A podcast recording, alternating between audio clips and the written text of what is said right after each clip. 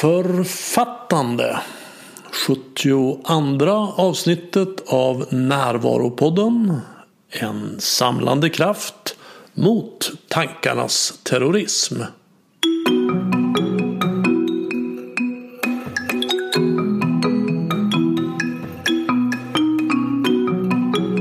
Det här är Bengt Renander. När jag för tre år sedan startade Närvaropodden så gjorde jag det med den enkla ambitionen att dela med mig av vad jag har lärt mig. Jag tänkte att eftersom det har fått så positiv betydelse för mig så kan det kanske också få det för andra. Och jag ville göra det i ett samtal med någon som har gått i samma områden som jag men kanske på andra vägar. Jag ville inte göra intervjuer med förberedda frågor och journalistisk ambition. Och jag ville inte göra debatter eller diskussioner där vi ska övertyga varandra om vem som har rätt. Jag ville träffa människor som intresserar sig för samma saker som jag gör och ha ett samtal där vi nyfiket kan jämföra våra upplevelser. Jag strävar efter en balans där vi pratar ungefär lika mycket men ibland pratar gästen mer och ibland pratar jag mer och så får det vara. Första gången jag såg statistik för nedladdningar av Närvaropodden var efter ett halvår och då hade det gjorts 10 000 nedladdningar. Jag blev verkligen häpen. Jag hade förväntat mig att någonstans mellan 50 och 100 personer skulle lyssna. Efter ett år var det 50 000 nedladdningar. Efter två år 200 000 nedladdningar. Och nu, efter tre år, 500 000. Det är roligt och hoppingivande att det finns ett sånt stort intresse för frågor kring hur det är att vara människa och hur man kan utvecklas. Roligast är dock alla mejl som jag får från er lyssnare som visar att mitt ursprungliga antagande var sant. Det jag lärt mig kan också få betydelse för andra. Här träffar jag Katrin Tollström som är författare och lektör. Vi pratar om författande som terapeutisk process, om tankarnas terroriserande berättelser, om vilka berättelser man väljer att berätta om sig själv och om andra, om hur vi kan förstå oss själva genom berättelser om att inte identifiera sig med sina berättelser, om att vara närvarande när man skriver, om att leva sig in i romanfigurernas upplevelser, om att göra skillnad på det privata, personliga och professionella, om att skriva en erotisk roman, om att se sina egna berättelser i huvudet som fiktiva. Om livsresan som att hitta den man sant är. Om värdet av att meditera. Om att läsaren är medskapande. Om skillnaden mellan att skriva facklitteratur och skönlitteratur. Om olika sätt att skriva en roman. Om att skriva synopsis. Och om att stå naken på torget i allmän åsyn. Här är Katrin Tollström.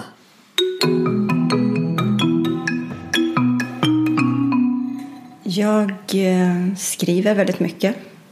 Jag är eh, författare till fem böcker och eh, jag hjälper andra som skriver. Jag jobbar med manusutveckling, coachar andra författare, jobbar som lektör och lite grann som redaktör ibland. Mm. Och, och, lektör, vad, vad gör en sån?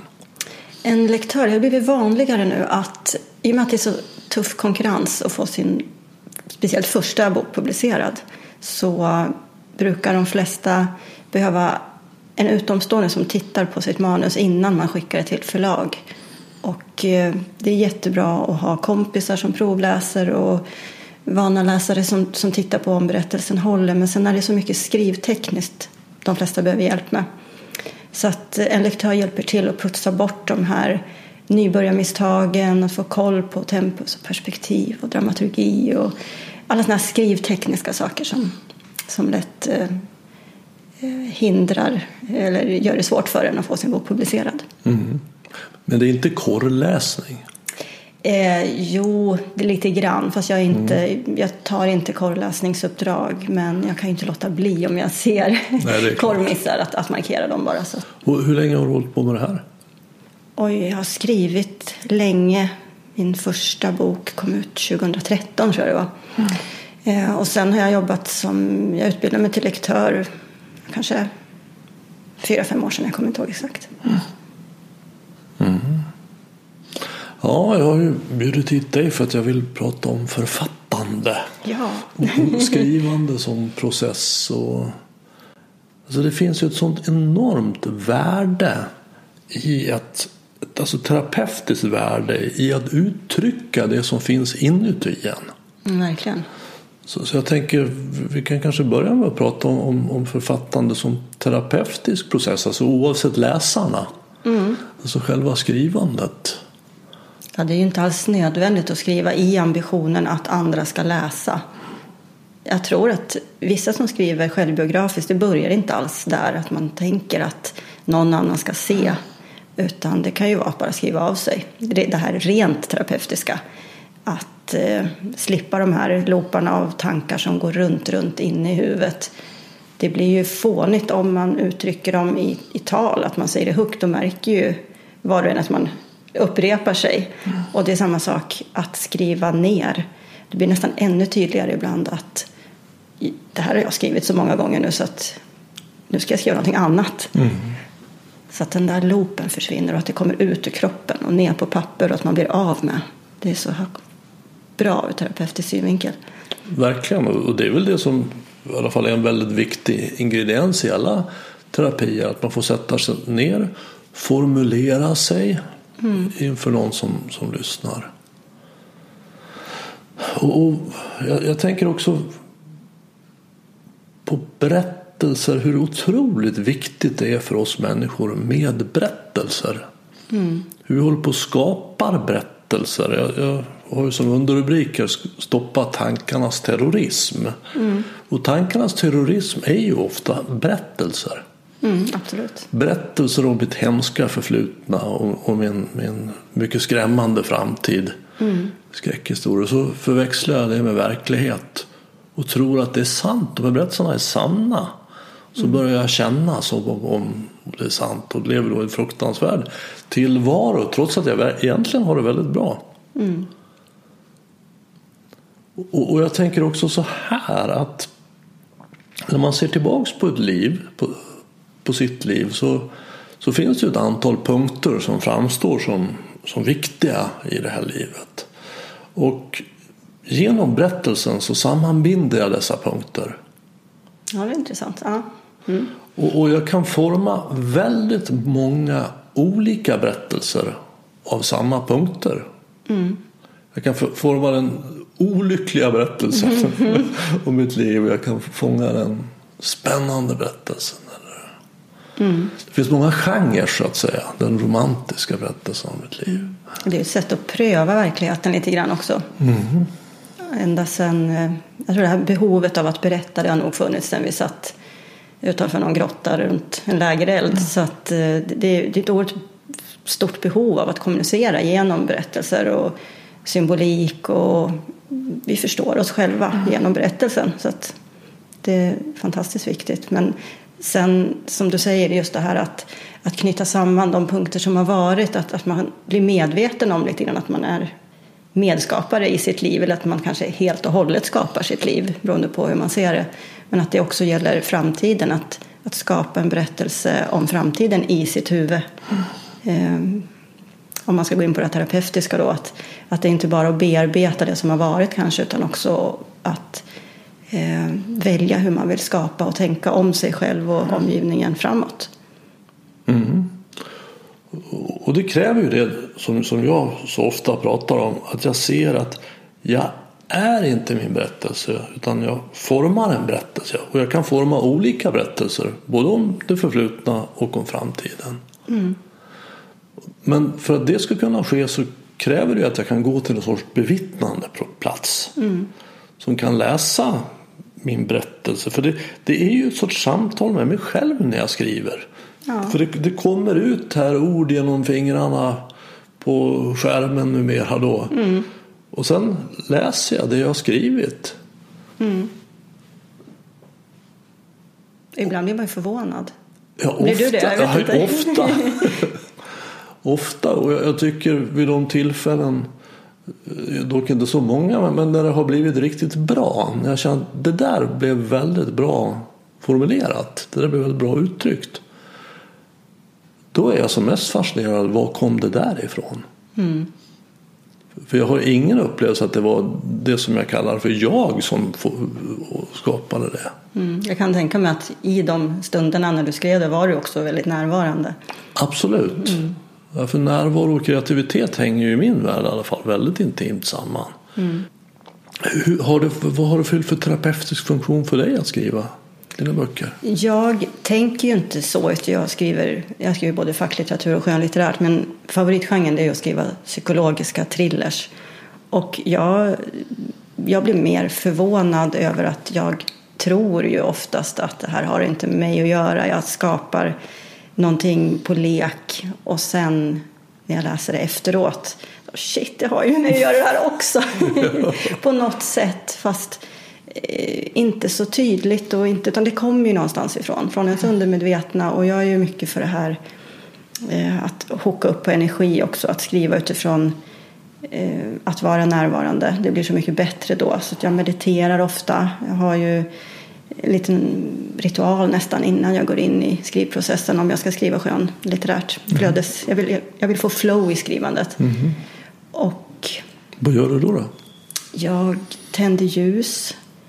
Eh, jag lyssnar på musik, olika typer av musik beroende på vilken scen jag ska skriva. Så att eh, mina böcker har olika spellistor på Spotify. Och eh, jag läser poesi för att på något sätt, låter flummigt, men hooka upp på energin. Jag, lever ganska mycket i, begrepp av energi. Och då vill jag hooka upp mig på, på energin att skapa ord att få kontakt dels inåt i meditationen men också kanske läsa poesi eller lyssna på musik med en välformulerad text för att eh, haka i den energin. Mm.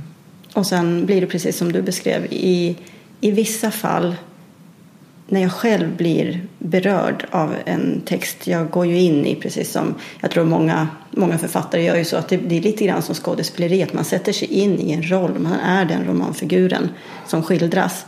Så att om jag gestaltar en, en person som går igenom någonting, det blir ju ett sätt att plocka fram sådana saker eh, hos mig själv i den stunden. Eh, och jag upplever ju Eh, Eh, det kan vara något väldigt verklighetsfrämmande. Vi skulle kunna ta en scen där jag eh, står barfota på en bro och ska hoppa ner på ett tåg. alltså någonting som inte, som inte sker i verkligheten. Men jag är ju fortfarande där just då i ögonblicket när jag skriver. Jag känner det här kalla broräcket under fötterna. Håller jag någonting i handen så känner jag tyngden av det i handleden. Jag känner vinden i, i håret. Jag känner kanske den här lite svajiga känslan att titta ner över avgrunden. Och anspänningen i kroppen byggs ju upp och jag är där för att kunna gestalta så bra som möjligt. Och det är det som gör också att eh, en annan aspekt av att det har sån terapeutisk effekt är ju att kreativitet och fantasi är någon sorts motvikt till det här med prestation. Så att när vi väl lägger prestationen åt sidan och eh, kommer in i det här flowet så, så får vi vila från, från kraven en stund. Och det är så skönt. Mm. Det är ju så fascinerande att vi människor har en sån föreställningsförmåga. Alltså att vi kan tanke och känslomässigt sätta oss in i så många olika situationer. Ja. Hur det är att stå då på barfota på ett broräcke och att hoppa ner ett tåg, vilket ja. är någonting som vi inte gör. Eller hur det är att vara mm, ensam flyktingbarn eller vad det nu är för någonting. I alla fall om vi är öppna så kan vi sätta oss in i så mycket. Och det är det jag brukar... Jag får ofta frågan... Eh, jag kan, eller många tänker från början att ja, men jag kan inte lära mig skriva. Jag är ingen författare. Och, alltså jag tycker det är, så, det är så synd att ha den, den... Eh, att säga så om sig själv. För att alla, nästan alla kan. Det krävs inte någon gudabenådad eh, talang utan det är ett hantverk. Alla har ju berättelser.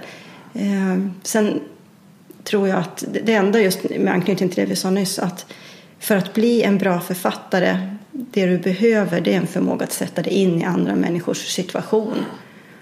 Och jag tror inte att psykopater blir några lysande skönlitterära författare, kanske facklitteratur, vad vet jag. Men, men jag tror att i den, har du den förmågan och en viss känsla för nyanser och om du inte har det så kan du utveckla den, att se detaljer, att få en kanske förfinad perception med tiden när, när du skrivit. Du börjar se berättelser överallt, du börjar tänka i, du vaknar med dina romanfigurer och lever i, med dem eh, under din dag. Eh, men just det här skrivtekniska, det är som ett hantverk. Kan du lära dig dreja en kruka eller svara på en stol, du kan lära dig tekniska i skrivandet också. Mm, Så den psykologiska delen som du betonar. Så att, så att det som gör bra litteratur är inte kanske så mycket hur den är skriven utan Du måste, det- för att bli publicerat så, så lär det ju vara läsbart. Ja, det måste men men det vara. det är sekundärt. Jag tror att det viktigaste i, till att börja med, om vi säger att du aldrig har skrivit skönlitteratur så, Mm. så tycker jag att du ska börja med att flödesskriva så att du får ner saker på papper. För börjar du bli låst i de här, som du kallar då, tankarnas terrorism, jag tycker det är ganska spännande, då, då får du förmodligen skrivkramp innan du ens har börjat. För första meningen kan ju vara väldigt tung då. Så att jag brukar säga hoppa över första kapitlet och bara, bara försök komma in i, bara tokskriv, lyft inte pennan, skriv vad som helst, kom in i flödesskrivande så att processen kommer igång. Redigera kan man göra i efterhand, det är en bagis. det finns ett engelskt ett skrivarråd på engelska som är Don't get it right, get it written. Exakt, enormt bra. Ja. Att istället för att fokusera på att det ska vara så perfekt och bra så bara skriv ner det. För man kan alltid gå tillbaks. Det är som kreativ process är det också en väldigt spännande process tycker jag. I den bemärkelsen att man inte behöver så mycket apparater. Nej. Så jag kommer ju från filmbranschen där liksom, det behövs ju massor av folk och utrustning för att göra minsta film. Och nu har jag kommit in i poddbranschen där det inte behövs alls lika mycket apparater. Det är väldigt mycket mer lätt. Men att just att skriva, det behövs en penna och ett papper. Ja, det är väldigt enkelt. Och sen då någonting att berätta. Alltså, man, det, jag hörde om en, det som du var inne på tidigare här om att det, du tyckte att det handlade inte om dig. Där du skrev det och sen så såg du att det gör det nog ändå. Det var en författare som fick frågan. Han har skrivit en roman. Och eh, han fick frågan. Är, är den här självbiografisk? Han- Är det, handlar den här om dig? Och han svarade så här. Att vilket annat val har spindeln än att dra tråden ur sin egen kropp? Oj, mm, Det tycker jag var ett fint svar. verkligen. Alltså vad har jag annat att komma med än det som finns i mig? Så det som finns där i boken det, det, det säger någonting om mig. Ja, och även om du kommer utifrån, om vi har samlat på oss ett helt liv av erfarenheter och närståendets eh, människor runt omkring deras berättelser så har vi ändå processat dem och fogat ihop dem och skapat om dem inuti innan det kommer ut i en romanfigur. Så att någonstans har det alltid med oss att göra. Jag kommer ihåg när jag, hade, jag höll på att skriva min första bok som hette En bra idé. Och, som handlade om just kreativitet. Och jag satt ute på landet och skrev. Så hade jag en granne som hade lovat att han skulle läsa manuset. Och När jag då var klar. Så att, då var jag klar och så skulle jag gå över med manuset till grannen. Och det här var ju ändå en fackbok. Det var ingen skönlitterär litterär bok. Men jag hade verkligen upplevelsen av att jag gick naken genom byn. För jag visste att om man läser den här boken på, på rätt sätt så att säga. Så får man veta så mycket om mig. Jag känner mig så utlämnad i det. Så det var inte just den här prestationsångesten i att har jag skrivit bra? Utan det var mera eh, visar jag för mycket av mig själv nu? Ja, att stå naken på torget. Mm. Till allmän betraktande. Mm. Och- Har du vant dig nu? Gör, gör du det? ja, ja, det har jag faktiskt. Jag, har, har, jag gör mig väldigt medveten om, om gränserna mellan det privata, det personliga och det professionella. Och jag tror också att det är bra även för skrivandet. Att, att, att, eh, ja, det professionella det har ju då med jobb och, och sånt att göra. Det, det är framförallt fackböcker. Och, och man behöver ju vara personlig för att, att kunna skriva någonting som griper tag i andra människor. Men när det blir privat så kommer det någonting som är... Man vill inte riktigt läsa det. Nej. Utan det behöver beröra mig, det behöver verkligen vara personligt. Så att, att inte bli privat. Och kanske också värna om sitt privatliv. Mm. Ja, men det tror jag är, är väldigt viktigt. Och det, är, det är ju skillnad på facklitteratur. Men om vi, om vi skulle prata om skönlitteratur där så känner läsaren ofta att nu kom det in för mycket av författaren. Som nu ville författaren lufta en åsikt som bara trycks in utan egentligt syfte. Och då blir inte texten särskilt bra. Eh, så att eh, det är, ofta vi skapar någonting som är väldigt, väldigt skilt från oss själva också. Även om vi hämtar erfarenheter kanske från oss själva eller har ambitionen att skriva så kan vi ju skriva om, jag skulle kunna försöka skriva om den här flyktingpojken, alltså som är väldigt främmande eh, för mig att förstå. Så att det blir ett utforskande då att försöka förstå. Så att det är ju inte bara det att allt handlar exakt om oss själva naturligtvis. Eh, Även om vi bearbetar det inom oss att det någonstans har med oss att göra. Jag vet att du också har skrivit en erotisk roman. Ja, det har jag gjort. Och där tänker jag att det måste vara, kännas väldigt naket. Ja, och där försökte jag ju hålla den så långt ifrån mig själv som möjligt. Jag började skriva den utifrån ren frustration. Eh, och så börjar det ofta när jag skriver att jag tyckte den här romanen saknas. Eh, för att i de erotiska romaner som, som är välskrivna så handlar det oftast om ganska smal, ja, lite fin litteratur eh, som antingen är det väldigt mycket skräp och kanske lite mer illa skrivet. Då när jag började skriva var det, jag, jag var så arg så att jag ville skriva någonting, någonting som var mer välskrivet. Och de som då var mer litterära i genren, där var det oftast eh, kvinnan i fråga var ganska destruktiv. Eller sexualiteten var något sätt, den var nästan självskadande eh, i, i den lite smalare litteraturen. Och då tänkte jag att nej, ingen av de här är en erotisk roman som jag skulle vilja läsa. Så att jag ville ha en stark kvinnlig romanfigur som, som inte hade någon destruktiv sexualitet utan tvärtom att hon, hon gick till personlig utveckling via sex. Så att det var ja, en extre, det blev en extremt stark kvinnlig romanfigur. Så eh, men den, hon fanns redan i en annan roman jag hade skrivit så att romanfiguren var färdig. Och sen plockade jag in henne för att det, hon passade för den rollen. Och den ligger väldigt långt ifrån mig själv rent eh, om man tänker sex. Eller ja, så, som hon är det kanske någon sorts wannabe på något sätt. Det ska jag inte säga någonting om. Men, men det som händer i romanen är ju väldigt långt ifrån mig. Och där var jag tvungen att hålla distans. För att göra det. Det skulle bli konstigt annars. Det skulle inte bli fräscht. Utan det måste vara någon helt annan än jag. På, på det sättet. Och hur var det för dig när den boken kom ut? Då? För jag vet att du skrev den under pseudonym. Jo, den, ja, den är ju välskriven och jag är väldigt stolt över boken så egentligen är det synd att skriva under pseudonym. Eh, Men samtidigt den inleds ju som en, alltså det är sex i varje kapitel och jag tror förlaget, det är Bonnier Bookeri som, alltså jag, första, jag fick napp på första, de jag helst ville ha. Eh, Så jag behövde inte skicka den till fler förlag för att eh, nej, så jag, jag är jätteglad för det. Men de skrev att ja, vi har ju sökt någonting som är explicit i sexscenen om vi nu skulle ge ut en erotisk roman. Och det är den ju verkligen. Så det var ju jobbigt, självklart. Jättejobbigt. Sen är det ju ganska många etablerade författare som skriver erotiska romaner under pseudonym för att eh, det är ganska utvecklande också. Jag trodde det skulle vara lätt. Mm. Just för att om jag skriver en, en, en thriller så det är ett ganska avancerat romanbygge med många trådar och bihistorier. Det ska ingå en kärlekshistoria och det här är ju bara en kärlekshistoria. Jag. Det här blir ju, men det var jättesvårt. Och inte minst för det sexuella. Mm. Ska Vad var det som var svårt då? Ja, dels eh, skrivtekniskt att skildra orgasm i varje kapitel mm. utan att upprepa sig. Det är, ju, det, är inte, det är ingen lätt match. Nej, det kan jag tänka mig.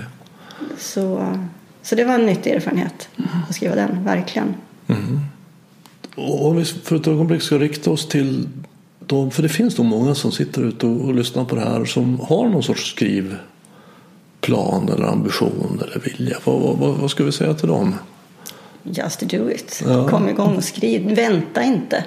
Ehm, och sen, jag, jag, tror att första gången eh, man går in för ordentligt så har man nog ingen aning om. Och så är det oftast när man, om man ska snickra ett hus. Eller man, man vet inte vad man ger sig in i. Och det här med skrivandet, det, det är så härligt för att det blir som ett gift. När du, när du är i det så kommer du förstå. Du skulle ångrat att du inte började tidigare. För att det är en härlig plats att vara på. Den här kreativa, lekfulla platsen där du ser berättelser överallt omkring dig. Om du går på stan och ser två människor så börjar Alltså du skapar berättelser. Mm. Eh, och de flesta kommer aldrig på pränt men någonstans lagrar de så en vacker dag så kanske de gör det. Och det blir ett väldigt skönt sätt att se på verkligheten. Och du, ja, som jag prat, var inne på tidigare, det här med att förfina sin perception.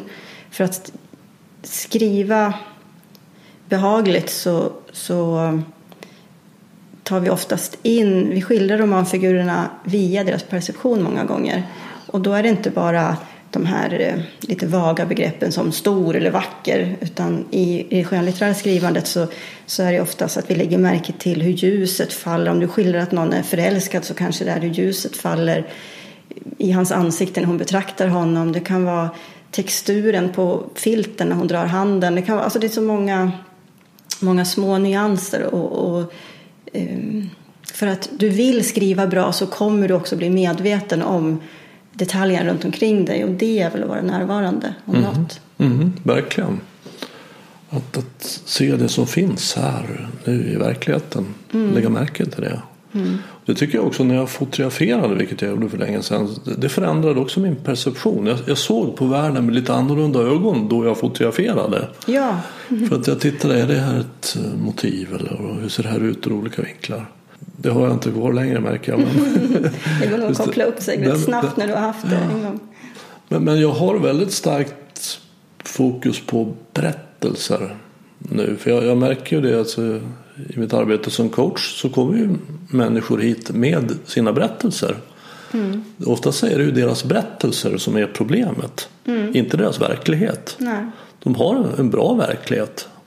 Alltså bemärkelsen de är friska och har någonstans mm. att bo och har mat och sådär. Mm. Men de har berättelser i sig som är outhärdliga. Mm. Som de förväxlar med sanning. Mm. Och det vore ju väldigt välgörande om jag kunde se mina egna berättelser i huvudet på samma sätt som jag ser en berättelse i en bok. Alltså att jag kan ju läsa om någon som står barfota på en bro och ska hoppa ner på ett tåg och tycka att det är väldigt spännande. Men jag vet att det inte är sant. Mm. Jag, vet att det inte är jag. Jag kan liksom få en sorts ställföreträdande äventyr där utan att behöva ta riskerna. Jag tänker att det finns en, en väldigt bra terapeutisk effekt av att, att se sina egna berättelser ungefär som en biofilm.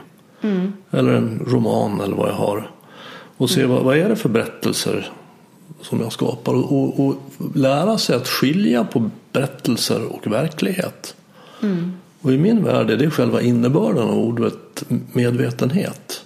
Mm. Att vara medvetenhet och närvaro pratar jag om. Och medvetenhet att kunna skilja på tankar och verklighet. Mm.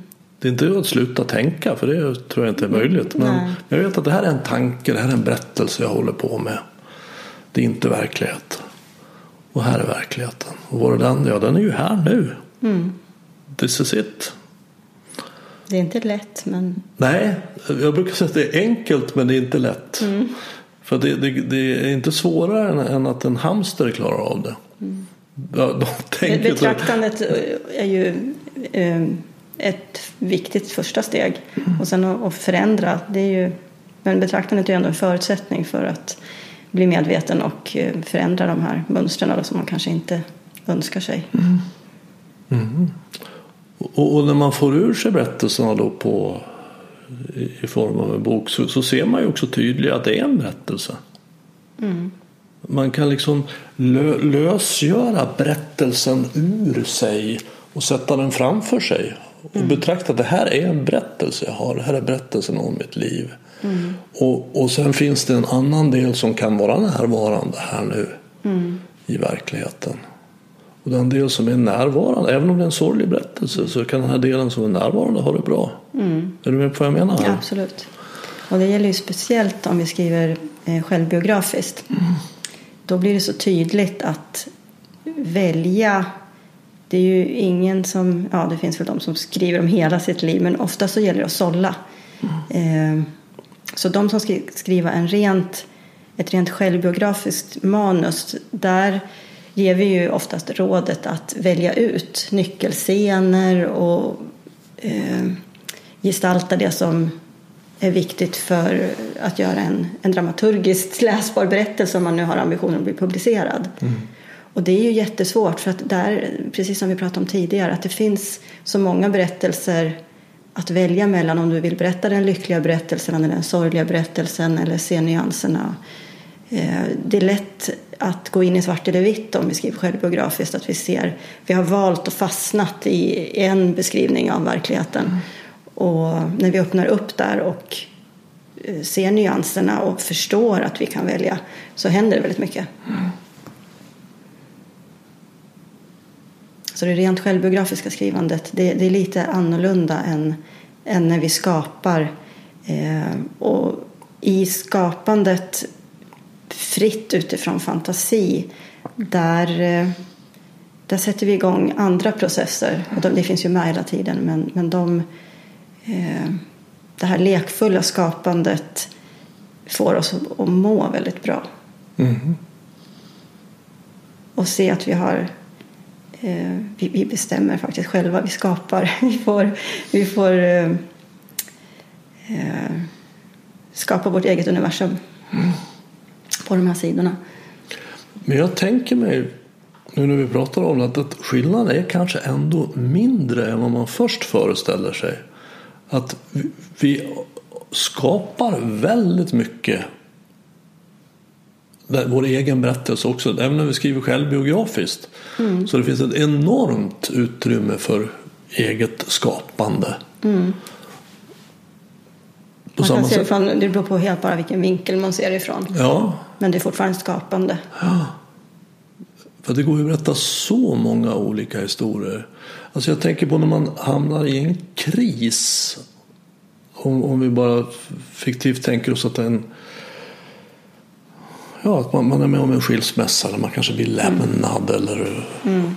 Och uh, man tycker det är, är fruktansvärt för att nu är min berättelse att, att jag har blivit lämnad här. Och, men sen som med tiden så ser jag att jag var inte lycklig i den här relationen. Mm. Det var en, en hemsk, det var en dålig relation. Och nu har jag fått en, en annan relation som ser att, där jag ser att det kan ju vara helt annorlunda på ett mycket mm. bättre sätt. Mm. Så att då, har, då formas min berättelse om från att vara det värsta som har hänt mig till kanske det bästa som har hänt mig. Mm. Händelsen Vanligt. i sig, verkligen, händelsen i sig är ju densamma. Men vad, mm. vad, vad sätter jag in den i för sammanhang? Vad formar jag för berättelse av det? Mm. Och väldigt mycket av den här terapeutiska verksamheten handlar ju om att kunna forma en annan berättelse som inte är så smärtsam. Mm. Utan som kanske dessutom är mer sann. Det där är så svårt tycker jag. Jag tycker det är så spännande. Mm. I vissa lägen så är det här fake it you make it. Att, eh, att det, det, det, finns ett väldigt stort värde i det. Mm. Fast det går ju inte och innerst inne vet jag vad som är sant. Jag tänker mig att livsresan i ett större perspektiv handlar om att hitta den jag sant är.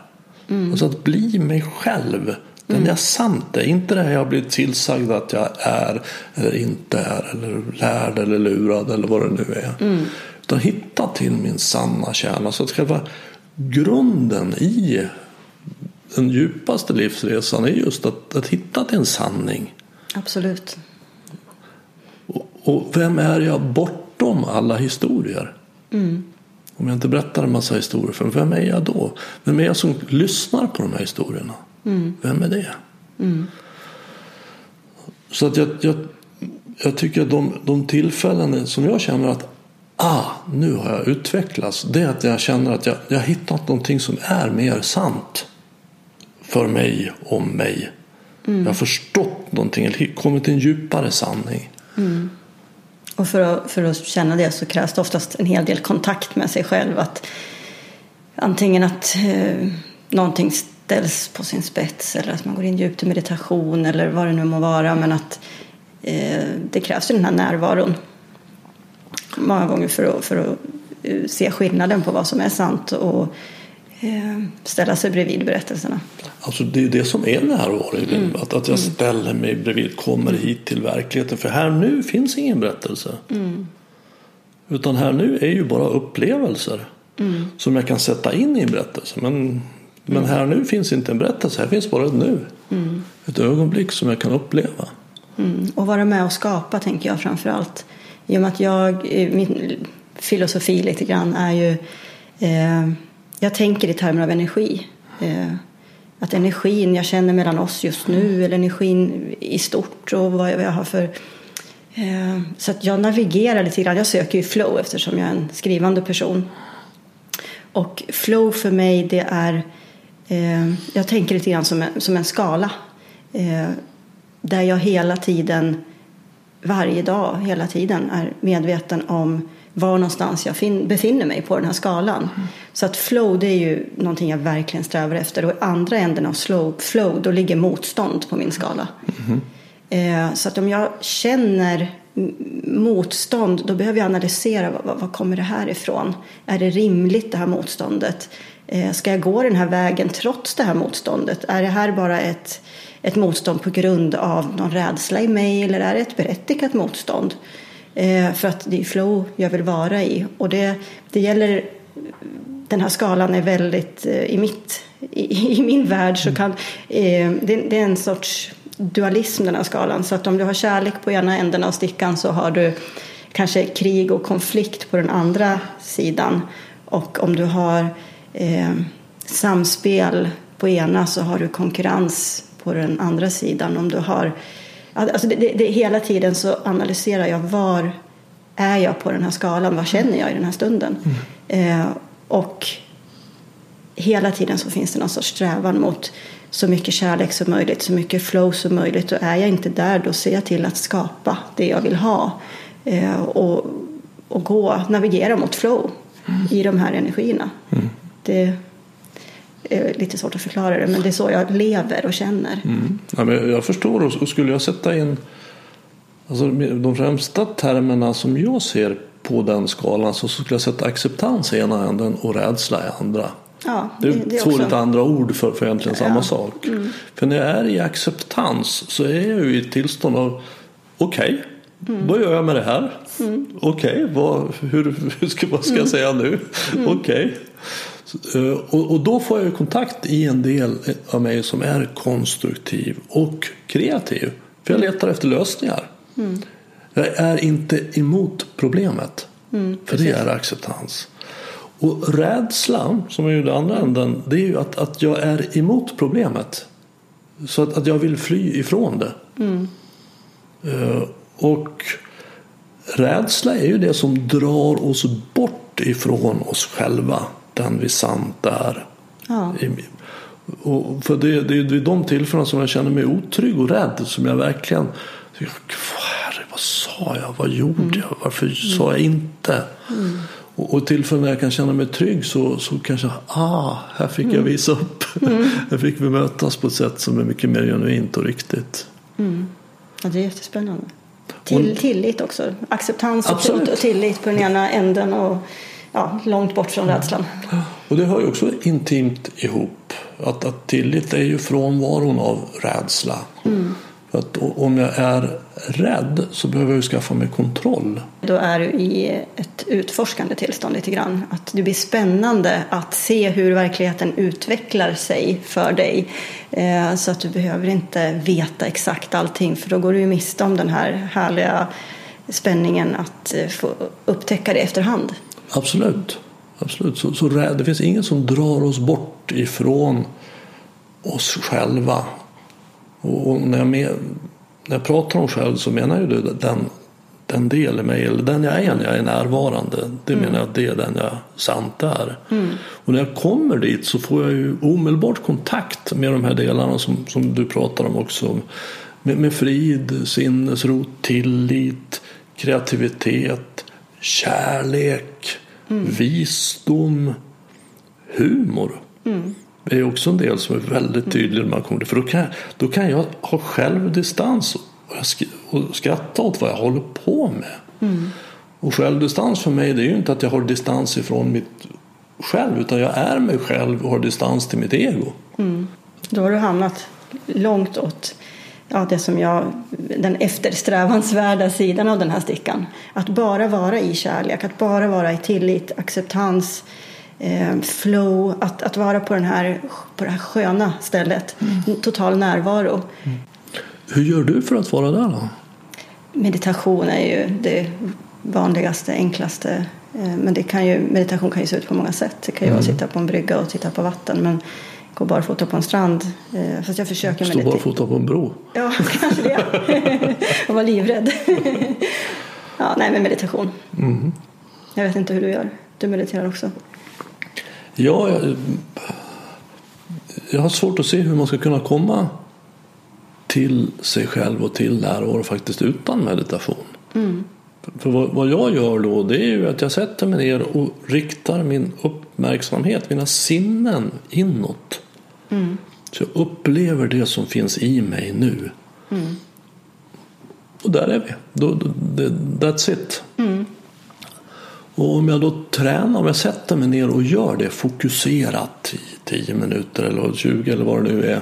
Jag tycker den största skillnaden är mellan ingenting och fem minuter. Och sen blir det klart att det är mer om det är 10 eller 20. Men jag sätter ner och tränar på någonting varje dag, säg en kvart om dagen. Så det är klart, då blir jag ju bättre på det. Mm. Inte bara den här kvarten, för vi, vi mediterar ju inte för att, att bli bra på att meditera. Nej. Vi mediterar för att bli bra på att leva. Mm. Så att, att, om jag gör den här kvarten så är ju också, ökar ju sannolikheten med tiden att jag kan rikta uppmärksamheten till upplevelsevärlden också nu när jag sitter här med dig. Ja, och det är ju det vanligaste tycker jag. Eh, det är oftast människor som inte mediterar kan ju bli, ibland så känner jag nästan att jag får försvara att jag mediterar mm. för att det skulle bli att synonymt med att vara världsfrånvänd på något sätt och det är precis tvärtom. Jag mediterar för att vara mer levande, mer delaktig i samhället eller världen eller verkligheten. Så det är precis tvärtom. Mm, verkligen. Och vara mer delaktig i ditt eget liv. Ja. Så det finns någon hemma där mm. som undrar vad vill jag själv? Mm. Istället för att vara som en reaktiv automat. Mm. En sorts robot som folk trycker på olika knappar och så blir det på olika sätt till mig. Ja. Oavsett om jag vill det eller inte. Ja. Och oftast har vi ingen aning om det. De här triggerserna bara löses ut mm. utan att eh, eh, vi har kontroll eller förstår om vi inte ger oss tiden att reflektera och känna. Mm. Skulle du hålla med om att beskrivningen av att varje bra berättelse handlar om en person som blir mer sig själv. Vad som är en bra berättelse måste ju definieras i första hand för att kunna svara på den frågan.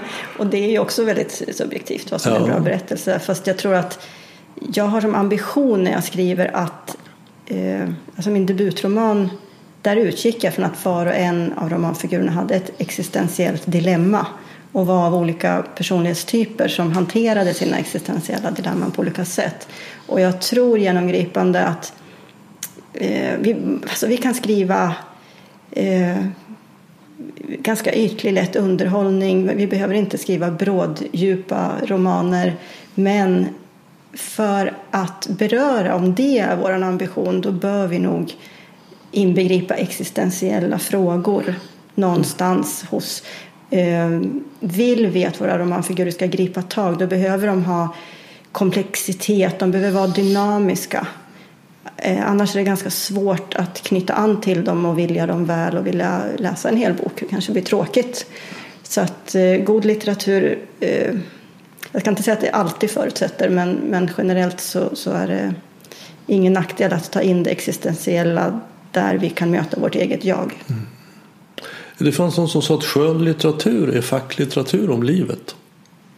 Många gånger är det nog så, ja. absolut. Att, eh, jag kommer ihåg att jag jobbade på en skola en gång där till och med svenskläraren tyckte att ja, men varför ska vi ha läsning i svenskundervisningen. Det, det, det är ingen som är intresserad av det och jag var ju mörkrädd mm. att höra någonting sånt så fruktansvärt. För att jag tror att okej, okay, alla elever kanske inte var intresserade. Fast jag tror att de här värstingarna eller att, att läsa det handlar väldigt mycket om att få andras perspektiv. Att få sätta sig in i andra människors situation och uppleva världen från, från den människans utsatthet och vedermödor och, och allt.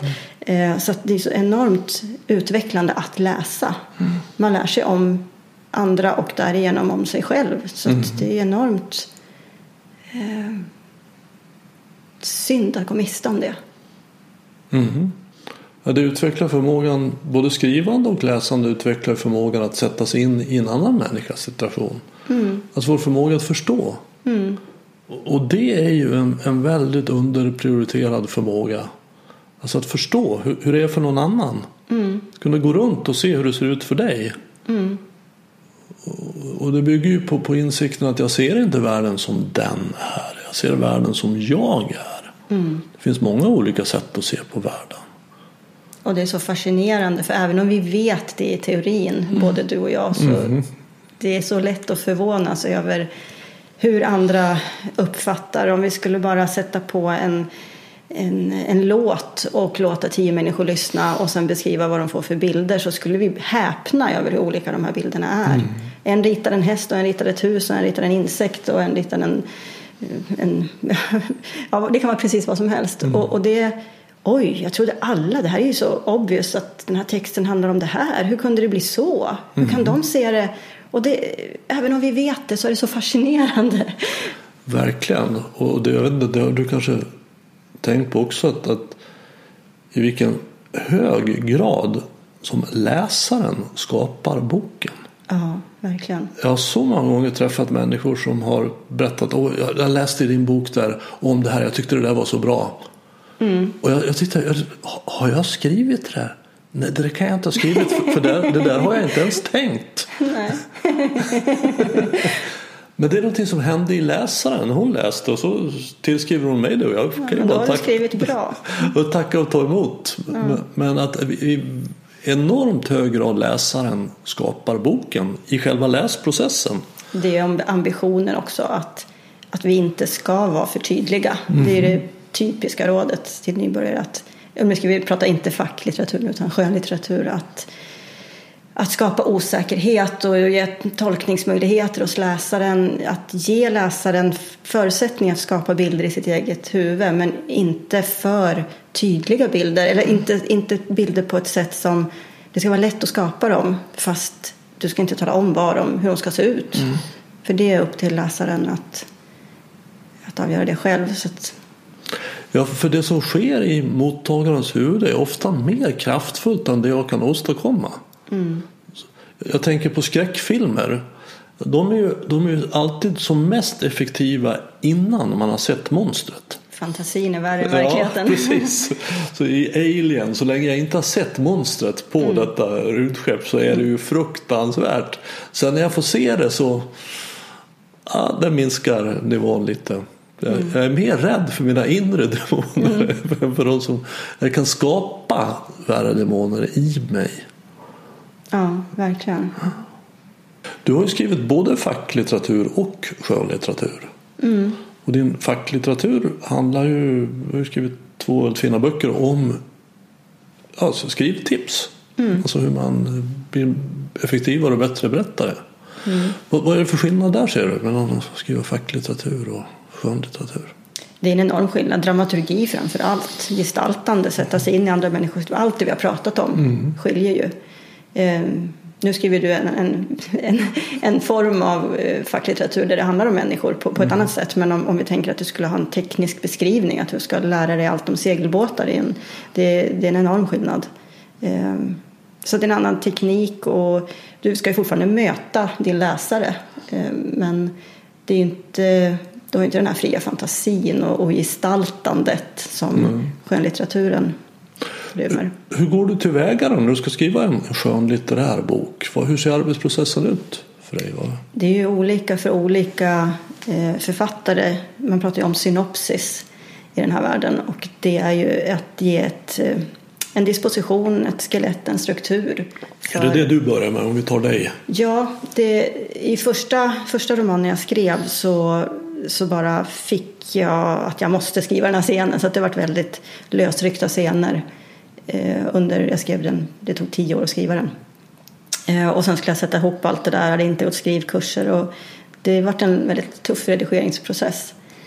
Eh, nu, de flesta, och jag tycker man ska göra så, har du aldrig skrivit förut så sätt dig bara ner och skriv. Du måste inte alls ha någon tydlig struktur om du inte satsar på det här seriöst att nu har jag tagit tjänstledigt ett halvår och jag ska ha en mm. bok klar och ja men då kanske du ska eh, ha klister i baken ett visst antal timmar om dagen och skriva ett visst antal ord och ha en tydlig struktur. Och du kanske är en person där det passar. Det måste du ta reda på själv. Du kan inte någon annan tala om för dig att så här gör man. Utan det, där måste du hitta ditt sätt att skriva och pröva dig fram. Men jag använder synopsis eh, för att jag gillar att hoppa. Jag skriver inte i kronologisk ordning. Så att vet jag vad storyn... Jag brukar ofta skriva slutscenen först. Så att jag vet vart jag är på väg. Och sen skriver jag nyckelscener scener, och sen fyller jag på och ger det här skelettet kött på benen. Och det kan vara att åh, nu fick jag flow. Jag såg någonting eller det hände någonting i mig som gjorde att jag måste skriva det här just nu. Och i och med att jag har en struktur så blir det inte eh, helt orimligt att få ihop det här sen med mm. tusen mappar i datorn utan jag bara stoppar in det på rätt plats i den här strukturen. Mm. Mm, jag gör på ett liknande sätt även om jag nu då skriver facklitteratur. Att att jag har en struktur. Jag har en början och ett mitt och ett slut. Och sen så tar jag början på början, mitten på början och slutet på början.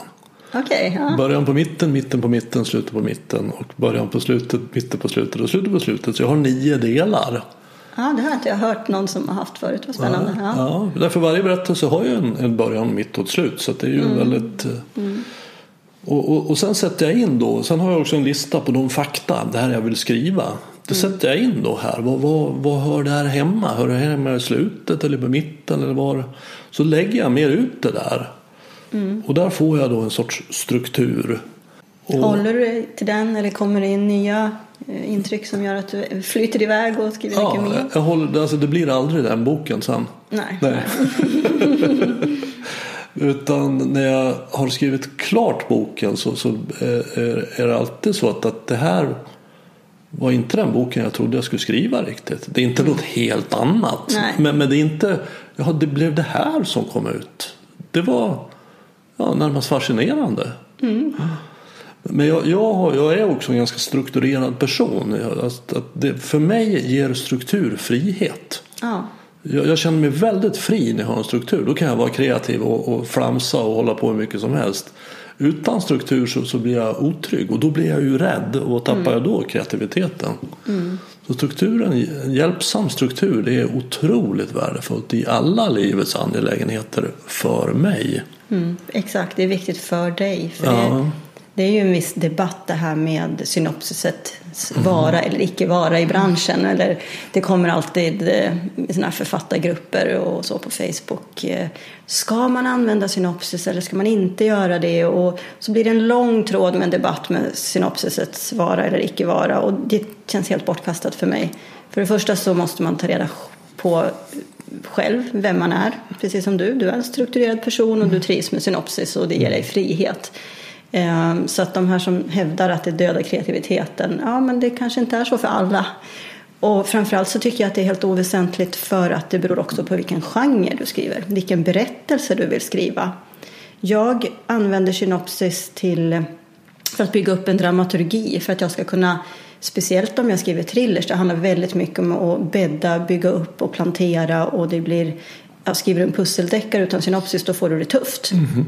Eh, medan om vi skulle vara så att jag skriver ett relationsdrama eh, där vi, eh, låt oss säga att jag vill utforska vad händer när den här romanfiguren möter den här romanfiguren? Vad blir det för krockar? Den här har den här personligheten och den andra romanfiguren har en annan personlighet.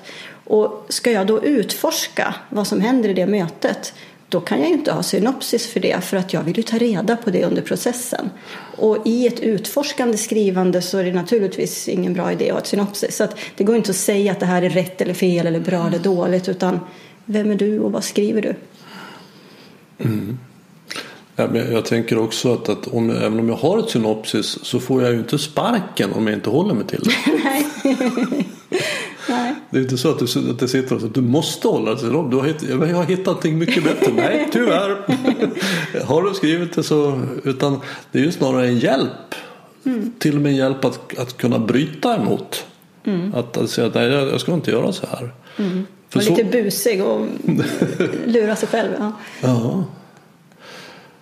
Och, och, jag tänkte på det när du berättade om författargrupper på Facebook som diskuterar synopsis fram och tillbaka. Så det är ju ett sätt att, en association jag gjorde är ju hur svårt det är att börja skriva sin bok. Mm. Man håller på med en massa annat istället. Till exempel mm. skriva i mm. författargrupper på Facebook. Mm. Det, det, alltså det är ju aldrig så välstädat som hemma hos en författare. Nej, verkligen inte att komma över den där tröskeln. Hur, det måste du få frågor om ofta, hur man gör. Ja, jag har en lång lista i slutet på en av mina skrivhandböcker. Just bara hur du botar din skrivkramp med tusen, eller jag vet inte hur många olika tips jag har där, men det är en punktlista. Bara för att det är ju eh, det finns så många sätt att göra det på. Mm. Men till syvende och sist så, så handlar det om, om eh, att lura sig själv in i flow lite grann eller försätta mm. sig i det tillstånd man vill ha. Eh, och ibland så gäller det ju också att veta vissa personer eller en, en viss plats man är på kanske man behöver extra mycket krav för att ta sig i kragen att nu jädra gör vi det här. Jag, jag vill det här och därför tänker jag göra det. Och är man i ett annat skede där krav kan hämma så ska man ju kanske sänka kraven och istället för att ha gigantiska mål så kanske det ska brytas ner till väldigt, väldigt små, att jag skriver ett ord om dagen. Så det handlar väldigt mycket om vem man är. Mm. Så att det inte blir ännu tuffare press och ännu mer skrivkramp. Har du funderat någonting kring vad det kommer sig att, att du har blivit en person för vilken skrivande är så viktigt? Att du har blivit författare? Vad, vad kommer det sig? Um, när jag pluggade beteendevetenskap fick jag en bokidé och sen fick den ligga på is i några år och det handlade just när man pluggar så är det av etiska skäl inte möjligt att, att experimentera med människor hur som helst men idén det var att vad händer om vi tar människor av olika personlighetstyper och så isolerar vi dem och så utsätter vi dem för ett dödligt hot. Hur kommer de här olika personlighetstyperna då i sin rädsla att agera? Mm. Och kommer det här dödliga hotet, om vi säger att de är väldigt mycket individualister allihopa, eh, kommer de att samarbeta och hur kommer det fungera om det är nödvändigt att samarbeta för att överleva? Kommer de ens förstå att det är nödvändigt att samarbeta för att överleva? Lite Flugornas herre? Eh, det var, ja, Flugornas herre var en inspirationskälla. Agatha Christie var en mm. eh, och så var den bara en, eller jag vet inte vad den heter. De har ju bytt namn, Tio små negerpojkar, ett originalet. Eh, det var också, jag vill göra en modern variant av den. Mm. Mm. Att, eh, så att jag satte en, jag tog en dokusåpainspelning mm. för att få extrema eh, stereotypa romanfigurer strandsatta på en ö. och sen började det hända saker där man anar att någon vill dem illa och sen men hade du ett vanligt jobb då? Eller ett annat ja, jobb? Ja, det hade jag. Vad, vad gjorde du då? Och jag har jobbat med massa saker. Ett tag var jag eh, skolkurator och ett tag, mm. just då jobbade jag som arbetskonsulent. Okay. Med personer som har Asperger. Och så skrev du på kvällar? Och, ja. Eller, ja. I början var det bara på semestrar och helger och sen var det ett gift och det gick inte att sluta. Mm. Hur var det för dig när du började? Var det också så här att du ville säga något eller var det Mm. Ja, att du... Jag hade nog haft en sorts väldigt romantiserad författardröm i mig ja, länge. Det, var nog mer att jag såg en bild av hur man satt med en fotogenlampa och, och skrev framför en brasa. Det var liksom mer det mysiga omkring än att, att det var någonting som jag egentligen hade att berätta. Men, men sen så då när jag var 40 och jag slutade arbeta med, med film och ja, en, en lång en livskris helt enkelt. En existentiell kris där min gamla självbild försvann och jag inte riktigt hitt, inte hade hittat någon ny. Men då kom det här författandet in till mig. Och jag tänkte då, då ska jag skriva en bok och då, då tänkte jag att jag ska skriva om kreativitet för det var ju någonting som jag hade jobbat med och jag är intresserad av och jag har ju någon, någon form av pedagogisk talang. Så jag satte mig ner och skrev och, och skrev och skrev och jag följde det där skrivarrådet jag berättade om. Don't get it right, get it written.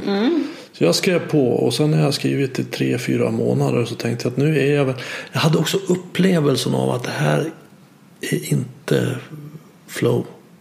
Det, här, det här är ansträngning. Det här är verkligen jobbigt. Jag gör det för att jag ska göra. Det kommer utifrån en presterare i mig.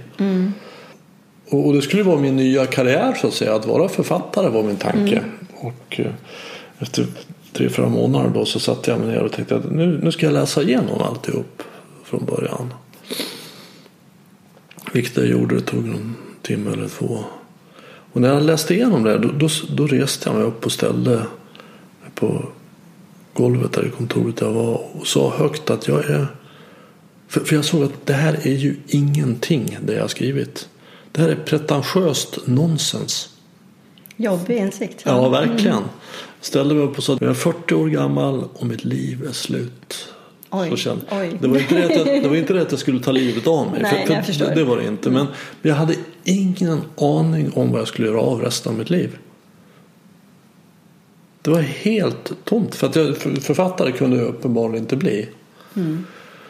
Och det var en, en kris för mig, verkligen. Det var en, mörk, mörk tid. Och, och jag, men sen började jag nysta i det där. Vad, vad, vad var det som gick fel här egentligen? Och jag såg ju det att jag hade försökt skriva den där boken som en författare. Och för mig då en en författare, det ligger nästan i ordet, det är någon som har författat. Så att jag, jag, ska, jag skulle veta allt och kunna allt och berätta hur det är. ute. Så, så det blev så pretentiöst och så. Jag tänkte, jag är ju ingen författare. Jag har ju aldrig skrivit en bok. Och jag, menar, jag, vad är jag? Jag är en ganska vanlig enkel kille från Falun. Du begärde att du ska vara världsmästare första dagen. Verkligen, verkligen så. Verkligen så. Vilket ju strypte min skaparglädje. Men, men då tänkte jag att jag är en ganska vanlig kille från Falun som har vissa erfarenheter i kreativa yrken. Jag har en viss talang vad det gäller att förklara saker. Så att, men börjar där istället. Och omedelbart så kom jag i kontakt med lusten. För jag skrev utifrån mig, den jag sant är, inte den jag tycker att jag borde vara. Och då kom den här boken ut uh, ur mig med, med lust. Och, uh, och, uh, och det var då den första boken, en bra idé. Sen är det ju alltid så, jag tänker råd till de som lyssnar och vill skriva, att den här frustrationen får man räkna med. Och det handlar ju, precis som du jobbar säkert i ditt terapeutiska, att vara i känslan också, acceptans och, och allt det här. Att, eh, och jag tycker att det hjälper att, att vara medveten och skratta lite grann åt den. När jag skrev första romanen så jag vill också vara som en författare och då blev det i klyschor naturligtvis i texten och allt det här. Eh, skriva som andra istället för att hitta sin egen berättarröst som egentligen är grejen. Att skapa, hitta sitt eget unika sätt att berätta. Och eh, ja, det, det var ungefär som att höra Whitney Houston sjunga I will always love you inne i huvudet. Och sen när jag skulle försöka själv så kom det ut ett hest kraxande. Det var ungefär så. Små grodorna i ja, kraxan. ja, och det, det var så, det var så, alltså det var ju bara att skratta åt eländet. Eh, och, men sen att inte ge upp är också så viktigt i de lägena. Du gav inte upp. Och det tänker jag också, hur många nätter sitter inte vi skrivande människor uppe i någonting som vi kanske är eller vi tror är flow och sen tokskriver vi hela natten och känner åh oh shit det här är århundradets mm. roman och sen när vi, när vi vaknar så småningom och läser igenom det vi har skrivit alltså vad är det här för skit mm. har jag alltså det här är ju bara men i den här eh, smeten av eh, hopplös text så finns det ofta små guldkorn som kan slipas till diamanter och mm. där får vi ju alltså inte döma oss själva för hårt utan bara ha roligt och mm ju mer vi skriver, det kommer fler och fler sådana här glimtar av guldkorn. Och när vi får känna det, att wow, jag skrev det här guldkornet. Kunde jag formulera det här? Kunde jag förmedla den här känslan så att någon annan blir berörd? Då har vi fått det här giftet i blodet och då kommer vi vilja göra det igen och igen och igen och det är mm. så härligt. Mm. Ja, okej. Okay. Tack för att du kom hit. Tack så jättemycket för att jag fick komma. Om du vill veta mer om Katrins böcker och hennes arbete som lektör så finns en länk till hennes hemsida i anslutning till det här avsnittet på min hemsida renander.nu. Jag gör Närvaropodden för att sprida kunskap om hur medvetenhet och närvaro kan hjälpa oss att sluta terrorisera oss själva och andra med tankar. Om du vill stödja podden, hjälp till att sprida den genom att tipsa om den till vänner och bekanta. Det är också hjälpsamt om du betygsätter och skriver kommentarer på iTunes. Vill du veta mer om hur man går på den smala vägen som heter medvetenhet och närvaro? Köp min senaste bok Stoppa tankarnas terrorism. Boken har fått många positiva omdömen som tydlig, klar, enkel och väldigt användbar. Att du dessutom stöder mig i det här arbetet är en positiv bieffekt. Enklast köper du den via hemsidan renander.nu och jag signerar den gärna om du vill. Har du något ämne eller person som du tycker skulle passa här i Närvaropodden tveka inte att kontakta mig och enklast gör du det via kontaktformuläret på hemsidan renander.nu. Desto fler vi är som är vakna i verkligheten ju mer kan vi förändra den på riktigt. På återhörande och du, var uppmärksam.